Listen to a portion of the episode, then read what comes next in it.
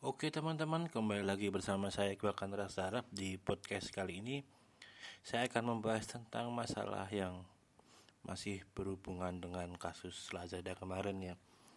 Istilahnya satu niche lah. Tapi untuk kali ini topik yang akan saya bahas adalah tentang Bukalapak. Walaupun ini nantinya ada hubungannya dengan hampir semua e-commerce atau marketplace ya. Untuk kasus Lazada kemarin kan seperti yang di podcast sebelumnya bahwa akun akun bisa diambil orang dan nggak tahu mereka login dari mana entah dari email kita atau apa. Karena dalam kasus yang Lazada kemarin juga email sudah diganti password email sudah di double verifikasi akun Lazadanya yang nggak ada double verifikasi udah diganti password juga mereka tetap bisa login lagi. Nggak tahu harus gimana sekarang saat ini. Ya untung aja bukan akun yang selalu dipakai gitu loh tapi lumayan serem juga sih. Nah untuk kasus Bukalapak ini nggak kalah seremnya ya. Saya ini di akun saya sendiri ada empat transaksi tadi pagi dan transaksi ini belum berhasil ya karena butuh OTP untuk melakukan action itu. Nah karena harus OTP jadinya mungkin kepentok di situ kan. Jadi nggak bisa sampai uang saya kepakai gitu loh. Nah ini sebenarnya agak serem ya. Saya mulai dari dua kasus ini mulai mikir kalau saya top up balance di marketplace ya. Karena dengan dua kasus ini kayaknya memang saya mulai lebih baik kalau mau bayar mending transfer aja gitu loh. Kemungkinan akan jauh lebih aman daripada kita ada balance di marketplace itu. Sebenarnya kan sekarang hampir semua marketplace bisa melakukan balance ya. Mereka ada yang kerjasama dengan emani emani yang lain juga karena mereka sudah menciptakan seperti dompet-dompet balance sendiri. Nah buat saya ini yang agak bahaya kalau dompetnya itu keisi langsung. Ya lebih hampir sama kayak kalau connect ke CC sih. Nah itu dari kasus Bukalapak itu kepentok sampai di itu sampai sekarang udah saya ganti password dan lain-lain. Nah ini dari dari kasus dua kasus ini yang Lazada dan Bukalapak ini saya mau ngasih tips lah buat teman-teman buat usahakan teman-teman melakukan double verifikasi ya untuk akun-akun akun-akun seperti ini terutama yang nantinya kalau teman-teman itu connect ke balance. Orang nggak di double verifikasi aja masih bisa bobol kan apalagi nggak di double verifikasi padahal yang kasus Lazada itu malah tanpa KYC juga. Nah ini juga sebenarnya masukan ya buat hampir semua e-commerce ya. Kalau kamu nggak ada fitur double verifikasi delete account terus dua itulah paling nggak. Itu mending tutup aja lah.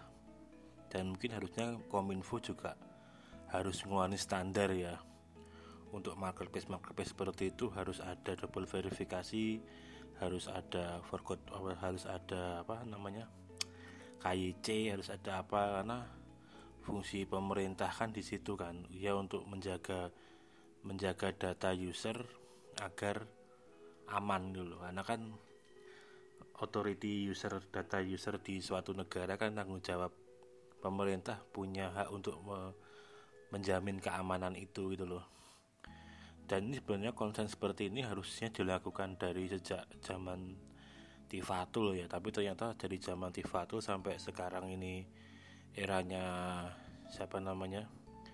Rudi Rudiantara juga sama aja. Nggak ada nggak ada hampir nggak ada kemajuan. Contohnya kasus Lazada itu juga dari dulu sampai sekarang juga masih seperti ini kan.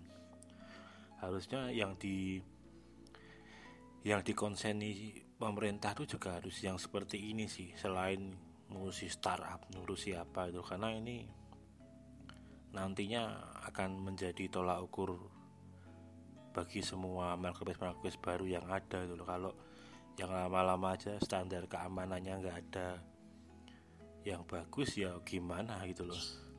Dan sebenarnya kan standar keamanan seperti ini emang wajib ada harusnya kalau user cuman kayak saya gini ngoceh gini ngomong sama Lazada ngomong sama Bukalapak ngomong sama Tokopedia Shopee apa ya cuman cuman diprek-prek karena saya siapa itu loh.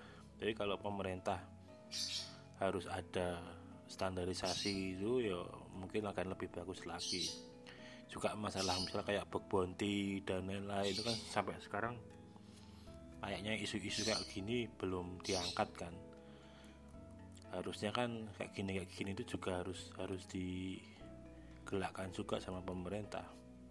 Gimana kalau se, se, seorang user menemukan bug bounty dan lain-lain menemukan bug harus menyampaikan ke mana standarisasi buat yang menemukan itu gimana. Kalau di sini kan kita nemukan bug atau apa nanti malah kita dianggap penjahat dan lain-lain. Padahal kita mau ngasih info itu gitu loh. Sebenarnya nggak semua itu ngarep ketika menemukan bug itu terus dapat apa-apa itu juga enggak sebenarnya. Tapi dikasih reward aja enggak udah ditangkep atau diancem atau apa dianggap apa namanya kejahatan dan lain-lain. Itu buat saya juga lumayan-lumayan agak low sih potensi yang akan kita dapat dari bug-bug seperti ini sebagai user sih sebenarnya. Ya selain notif sampah di email di SMS juga. Kalau saya yang lebih serem tuh ya dikerjain itu. Kalau kasus yang bisa dia bisa bayar via COD itu.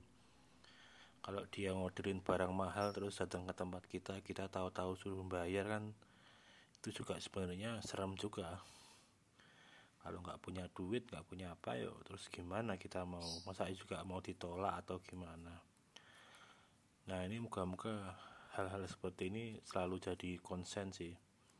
Pokoknya tips saya buat teman-teman sebisa mungkin melakukan double verifikasi ya di akun-akun seperti ini. Jika menemukan akun-akun yang tidak bisa double verifikasi marketplace ya speak up aja sih ngomong. Kok nggak ada double verifikasi? Biar mereka semua tahu. Kalau bisa dibikin viral bikin viral aja. Karena mungkin teman-teman bisa dapat pahala itu nolong orang banyak. Kalau nantinya itu akhirnya sistem mereka jadi ada double double login dan lain-lain. Lah double login maksud saya dari tadi itu double verifikasi itu maksudnya. Di ketika ketika login harus ada udah masuk terus OTP kan biasanya seperti itu. Lebih tepatnya sih kalau saya sih untuk sekarang sih harus ada OTP sih. Double verifikasinya nggak cuman email sih. Karena kalau emailnya udah ketangkap dia mau pakai OTP juga sama aja sebenarnya. Ya walaupun sebenarnya juga kalau pakai email kalau OTP juga kalau HP-nya udah kena dia juga udah bisa sih. Tapi paling enggak lebih lebih mending loh daripada double verifikasi tapi hanya menggunakan email. Hmm, oke mungkin segitu dulu aja uh, sharing saya tentang kayak gini. Moga aja ini ke depannya marketplace marketplace ini mulai ya mulai menjaga usernya lah. Mereka punya user ya juga harus dijaga karena juga ini tentang ngomongin tentang privasi data user gitu loh seperti itu oke sekian dulu podcast dari saya. Semoga bermanfaat buat teman-teman semuanya. Salam olahraga